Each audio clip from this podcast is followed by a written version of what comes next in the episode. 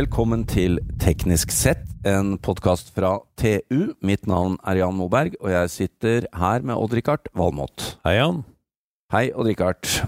Det skulle vel bare mangle at vi på nyåret nå ikke skulle snakke om eh, kvikkleire? Eh, Det er jo veldig aktuelt. Ja, Vi sitter jo faktisk på ganske mye leire nå også, Jan. jeg har skjønt det. Det er noen Ja. titalls meter ned til fast grunn. Ja, det er det. Og det gjelder jo store deler av uh, kystsona vår, og Ja. langt innover i landet også. Vi skal få høre mer om det. Eh, Vi må bare, før vi går videre, bare si at våre tanker går til de berørte pårørende, og ikke minst etterlatte på Gjerdrum. Det er jo en eh, krevende situasjon for alle, og det er vondt å følge med. Ja, jeg syns det. Men eh, vi tenkte da at vi ikke skulle snakke så mye spesifikt om Gjerdrum, men snakke litt om kvikkleire. Og her er det mye voksenopplæring, eh, i hvert fall for meg. Ja. Du var inne på det, Rikard. Vi sitter på noen eh, titalls eh, høydemeter med, med kvikkleire her vi sitter på Norges geotekniske institutt i Oslo. Og vi skal snakke med seniorgeolog Anders Solheim. Velkommen til vår podkast, Anders. Takk skal du ha. Vi er nysgjerrige. Vi tenker jo Det har vært mye nyhetene om kvikkleire de siste dagene etter ulykken, men eh, vi tenkte at eh, det er sikkert mer å fortelle. Og det er jo naturlig å begynne med å spørre meg hvorfor er det kvikkleire? Det er et uh, veldig naturlig spørsmål, og uh, akkurat som kvikkleire er et, uh, et naturlig um, element i Norge. Eh, det er kvikkleire fordi eh, under siste istid, som eh, ble avsluttet for ca. 10 000 år siden, så var Skandinavia nedpresset ganske mye av islasten som lå på, med et, et issenter rundt indre Bottenviken. Eh, Det gjorde at eh, selv om havnivået generelt sett var lavere pga. at mye vann var bygget opp i iskappene på land, så var landet presset så mye at da isen eh, smeltet tilbake, så trengte havet inn. Slik at vi fikk hav, sjø, sjøen da, inn over det som i dag er landområder, opp til ja, høyeste, det vi kaller marin grense, så høyt som unnskyld, havet sto um, på det høyeste, opp til uh, mellom 200 og 220 meter over dagens havnivå i uh, området rundt Oslofjorden særlig. Ja, for det her skjedde ganske fort. Ja, det skjedde, den tilbaketrekningen skjedde i løpet av uh, noen få tusen år, da, den tilbaketrekningen. Eh, og så var det jo under tilbaketrekningen så var det jo store mengder av erosjonsmateriale som ble spylt ut med smeltevannselvene Mm. fra isen, og dette avsattes jo ut i, eh, ut i sjøen, da. Og vi kan tenke oss at eh, Romerike f.eks. Var, var en stor og brei fjord, en slags fortsettelse av dagens Oslofjord, videre innover. Og, og da blir jo de grovere materialene avsatt eh, først. F.eks. i altså Gardermoen-området er jo et stort sånn istidsdelta som er avsatt ut til havnivå i denne fjorden. Og så er finpartiklene, leirpartiklene, føres lenger ut og avsettes uh, langsomt ned på dypere vann. Og det gjør at vi har fått disse marine leirene i så store deler av landet, da. Mm. Eh, Og det er de som, eh, som nå gjennom de siste 8000-10 000 år, er, er noen av de er blitt eh, høysensitive og kvikke. Før vi kommer til hvorfor de har blitt høysensitive og kvikke, det er altså sånn at dette er et fenomen for, for Norge og Sverige, da, kanskje? Det er først og fremst Norge og Sverige, og så er det deler av Nord-Amerika, særlig Canada, som har kvikkleireutfordringer, og hvor det er Mm. problemer knytta til det. Ja, for det er det er hvor iskappa lå i nærheten av havet. Ja, eh, det er der hvor havet har hatt muligheten til å trenge inn eh, Ja. før landet på en måte popper opp igjen. Ja. For det er det som skjer, ikke sant. Landet stiger, og det går relativt kjapt. Relativt. Eh, og når landet stiger, så, så vil jo havet trekke seg tilbake. Ja. Vi har fortsatt landheving eh, her Vi vi, har fortsatt sitter. landhevning. I Oslo så eh, er landhevningen på snaut 3,5 millimeter i året. Ja. Hvor, hvor mye har landet hevet seg da, siden full nedtrykking? Ja, Det har jeg ikke tall på i hodet, men det er jo snakk om flere hundre meter, da. Og Ja. eh, innerst inne i Bottenviken så har vi jo en landhevning i dag på ca. 1 cm i året. Hvor disse flate områdene der, så, så, så på noen generasjoner så øker jo jordbruksarealet f.eks. Mm. der. Kompensere for eh, smelting av grønlandsisen. Ja, så langt i noen områder så, så gjør det faktisk det i Oslo f.eks. Men eh, sånn jeg har skjønt, dette er jo clouet, nemlig at dette var havet som hadde saltinnhold, og det saltinnholdet var jo med i denne leira. Og nå er det det som er utfordringen med at den er ustabil. Ja, fordi når eh, leire, leir, leirmineraler er flate, flaklignende partikler, og når de avsettes i saltvann, så avsettes de og, og, um, i en slags korthusstruktur. Kan, korthus er egentlig en god analogi. Man kan tenke seg et korthus på bordet hvor, eh, hvor disse leirplatene står kant i kant.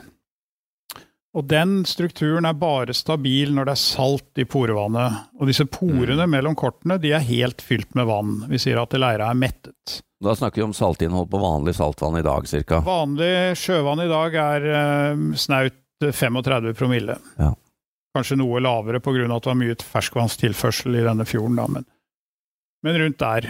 Um, og eh, den der korthusstrukturen er stabil pga. Kan si, elektriske bindinger eh, som, eh, som, eh, som er bare stabile så lenge det er salt i stedet. Ja, for vi, snakker, vi snakker ikke om saltkorn, vi Nei, snakker vi om snakker om saltoppløsning. saltløsning, Ja. saltvann. Ja. Sjøvann som er fanget i disse porene. Så eh, er jo landet hevet, havet trukket seg tilbake, og du får eh, nedbør og snøsmelting og, og hva det nå er, og, mm, og grunnvannsgjennomstrømning i deler av dette. Og gjennom de si 8000-9000 år som har gått eh, etter at områdene ble hevet, så har da dette saltet i porevannet blitt gradvis vasket ut, og da er ikke lenger denne her eh, korthusstrukturen stabil. Hvis du avsetter eh, disse leirflakene i ferskvann, så vil de liggende flatt oppå hverandre. Ja. Da er, I ferskvann så er det det som er den stabile, stabile strukturen, mens uh, i saltvann så er det denne korthusstrukturen. Det er ikke alle marine leirer som er blitt kvikke. Nei. Det er avhengig av uh, at du har hatt en, eh, en grunnvannsgjennomstrømning som har vasket ut saltet. Mm. Uh, Ja. Så det er, jo, det er jo avhengig av lokale, kan du si, hydrogeologiske forhold. hvorvidt du har det. Så derfor så, så er det slett ikke alle områder med disse marine leirene som, er, eh, som har kvikkleire, eller så hvor, hvor det er kvikkleir overalt. Men alle områder med marine leirer så skal man være oppmerksom på det og gjøre nødvendige undersøkelser. Vi har jo alle nå eh, de siste dagene sett eh, videoer av hvor, hvor fort dette kan eh, bli. Eh, å si, hvor kvikt det kan bli Ja. til eh, søle. Men eh, hva kan man gjøre for å stabilisere disse områdene?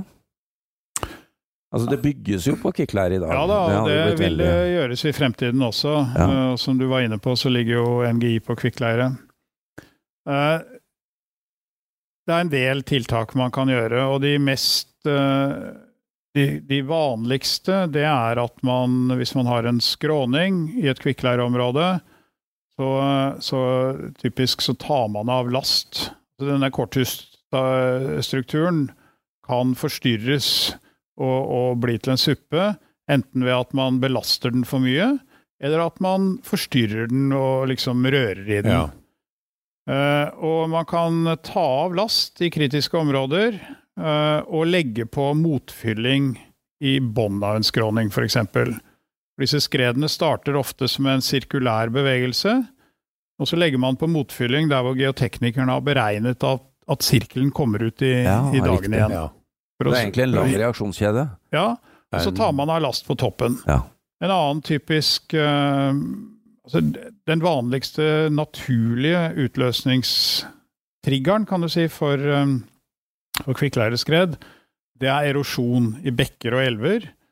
Eh, Det kan foregå si, over mange år. Litt erosjon hvert år. Skalker som glir ut i yttersving i elva f.eks. Hvis man da eroderer så mye at man blottlegger kvikkleira og begynner å forstyrre den, så kan det gå ut det vi kaller sånne initialskred, små startskred, som så kan utvikle seg veldig raskt Mm. bakover. Men det er jo viktig å si også at uh, de siste 60-70 årene så er over halvparten av store kvikkleireskred utløst av menneskelig aktivitet. Ja. Bygging eller uh, Bygging og anleggsvirksomhet, eh, bakkeplanering i jordbruket har vært eh, Har vi noe begrep om hvor vellykka tiltak har vært, da? Ja, du kan si Men nå var jeg ikke Hva vi ikke har utløst, så å si. Ja, det er jo vanskelig å si hva Ja. man ikke har utløst. Eh, Men en annen tiltaksmetode som brukes mye, da, det er det vi kaller for kalksementpeling. Ja. Hvor man eh, visper ned med en stor borerigg, visper man ned samtidig som man borer, en eh, blanding av kalk og sement, en slurry, som eh, når man har trukket denne borer eller vispen ut igjen, som blir stående og størkner som en, som en, som en perl i, ned til fast grunn, da, enten det er morene eller fast fjell. Det gjøres mye, og det gjøres både i, i, i områder som skal bygges ut til boligformål, og det gjøres ikke minst rundt eh, store veiutbygginger for å stabilisere store områder på siden av enten det er toglinja eller veien som skal gå gjennom der, for å stabilisere området rundt anlegget. ja, det det- hindrer, hindrer leira å flyte Ja, og bevege det- seg, altså. Ja, det gjør det. Og, ja. og det settes ned disse i forskjellig tetthet, i forskjellige mønstre. De kan settes tett i tett, slik at de nærmest danner en vegg også. Hva med saltinjeksjon? Saltinjeksjon er, gjøres det forskning på. Um, meg bekjent er det ikke brukt i stor skala, fordi at det er en veldig langsom prosess. Men uh, det gjøres forskning på det, og det er akkurat uh, for et par år siden uh, gjort ferdig en doktorgrad på saltstabilisering av leire.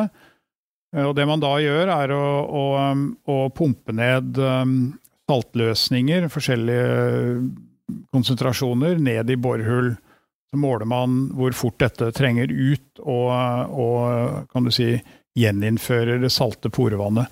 Men det er en veldig langsom prosess, og, eh, og det er ikke vanlig å gjøre det i stor skala. Nei, det har jo tatt tusenvis av år å vaske ut saltet, så det må være krevende å få det inn igjen. Ja da, men da tar man nok eh, lar man ikke bare naturen eh, hjelpe Nei, seg, man, men, eh, men det gjøres ikke i stor skala. Det har også vært snakk om, eh, om jordskjelv, at det også kan påvirke. Er, det vanlig? At, altså, vi har jo jordskjelv i Norge. Ja, men meg bekjent har ikke jordskjelv trigget store kvikkleireskred i Norge. Um, vi har jo, eh, Norge er jo et stab, sånn seismisk sett et veldig stabilt land, og de fleste jordskjelvene er veldig små.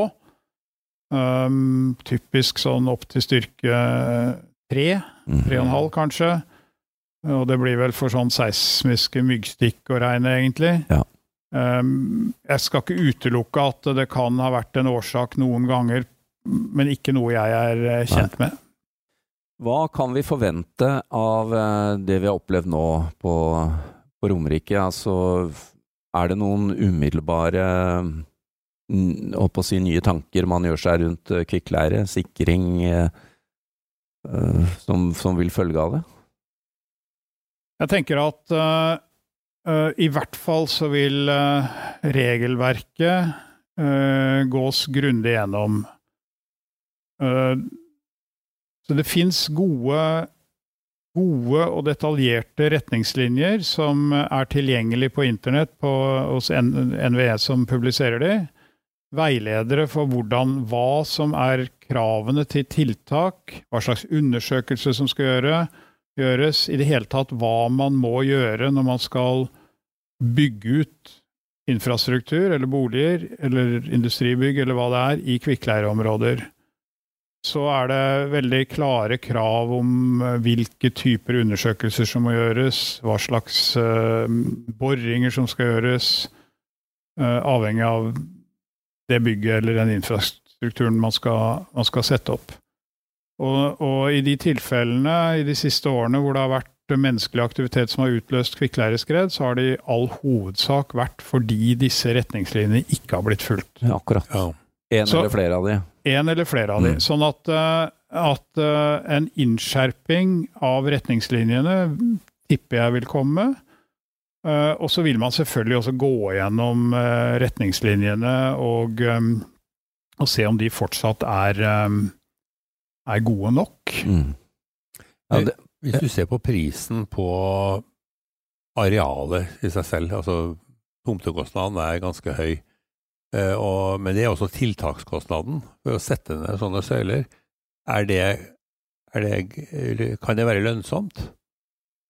Ja, det, altså det vil jo sannsynligvis variere fra tilfelle til tilfelle. tilfelle, og det er jo, gjøres jo alltid en kost-nytte-analyse på sånne ting. Men, men det er helt klart at eh, kvikkleireproblemer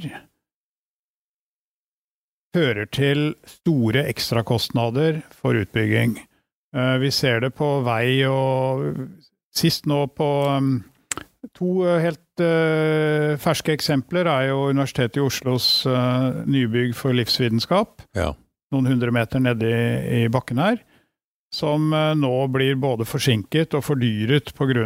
at det må gjøres store sikringstiltak pga. kvikkleire.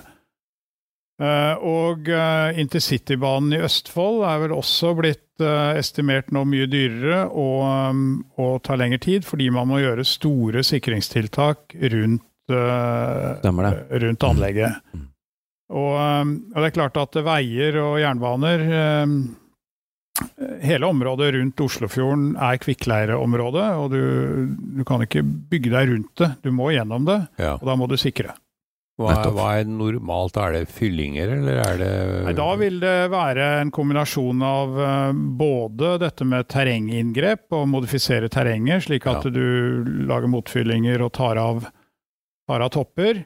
Men eh, også i veldig stor grad sånn kalk-sementpeling vil bli brukt. Og du må ofte sikre områder som går langt ut til siden for selve den linja du skal bygge. Helt avslutningsvis, eh, Anders Solheim, så må vi spørre deg. Det er jo, det, er jo det bildet vi har på netthinnen nå, er jo fra Gjerdrum.